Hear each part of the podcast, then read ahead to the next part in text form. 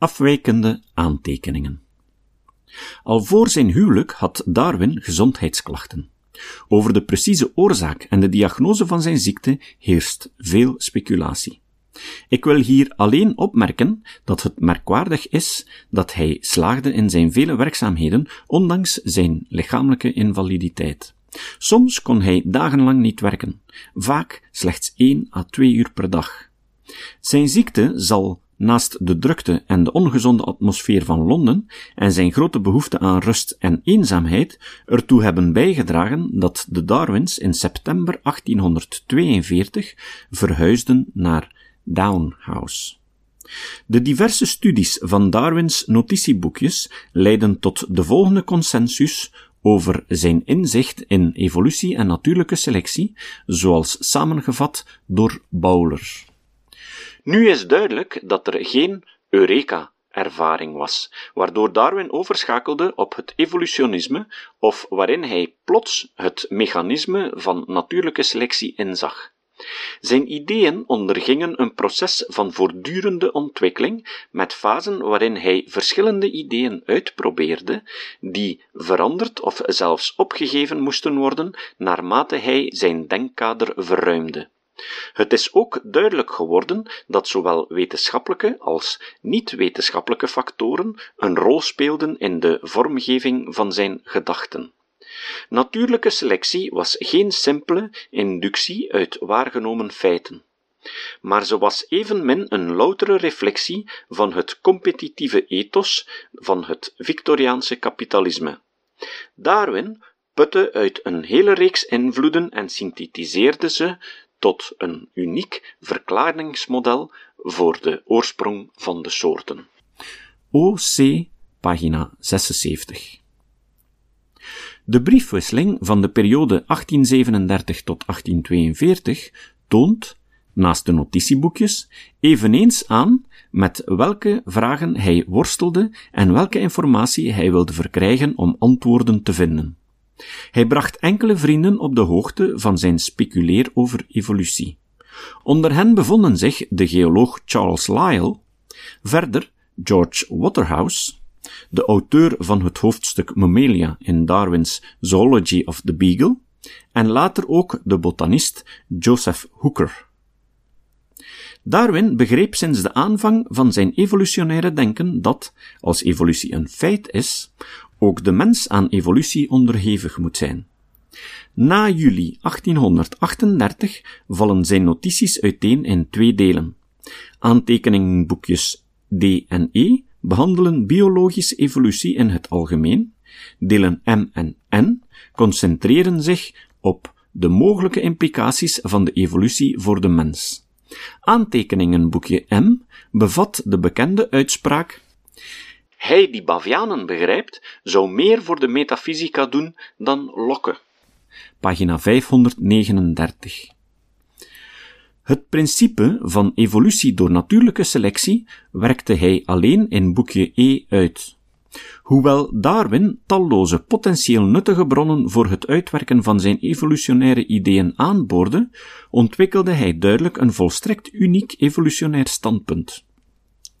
Onder specialisten heerst al enkele decennia consensus dat er geen authentieke voorlopers zijn, ook niet onder zijn tijdgenoten. Sommige historici hebben beweerd dat hij het voor de hand liggende synthetiseerde en zo als het ware spontaan tot de idee van natuurlijke selectie kwam.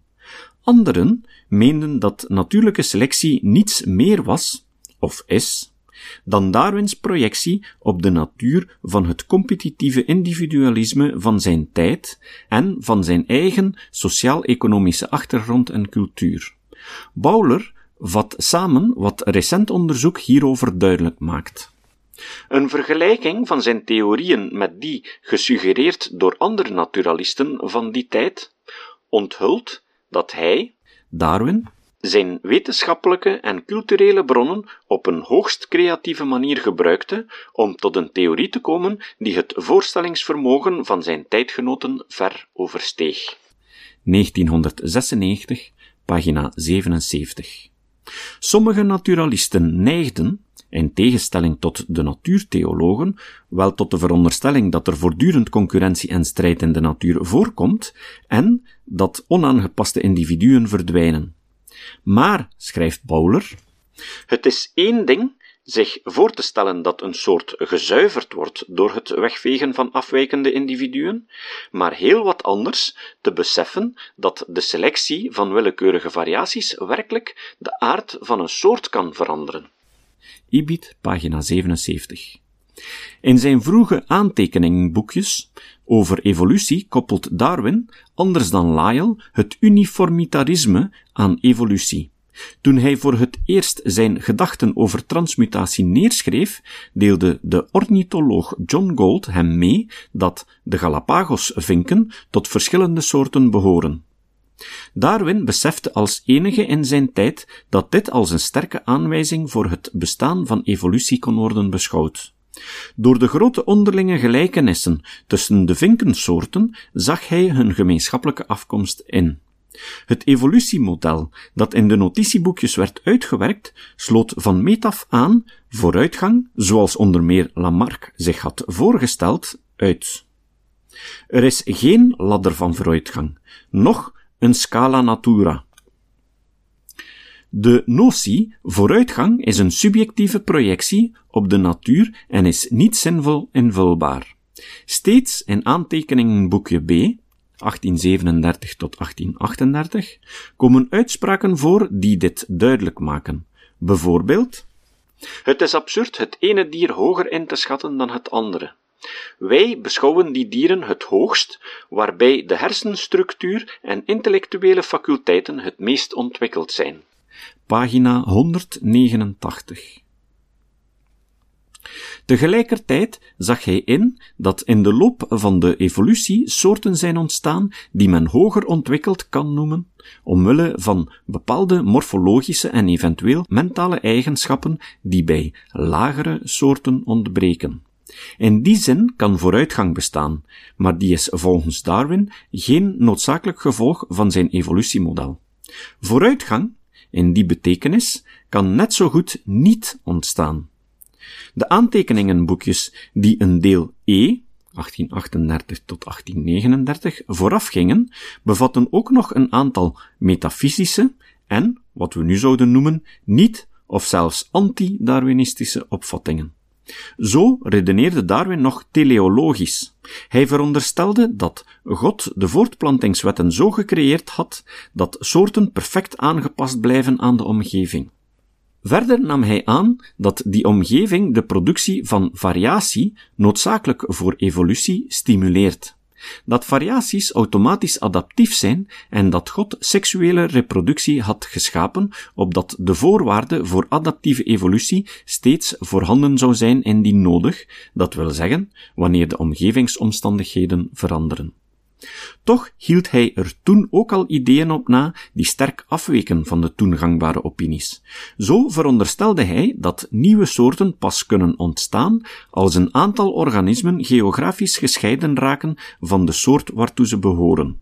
Op grond van zijn waarnemingen op de Galapagos-eilanden realiseerde hij zich dat geografische isolatie een vertakkend evolutiepatroon zou opleveren.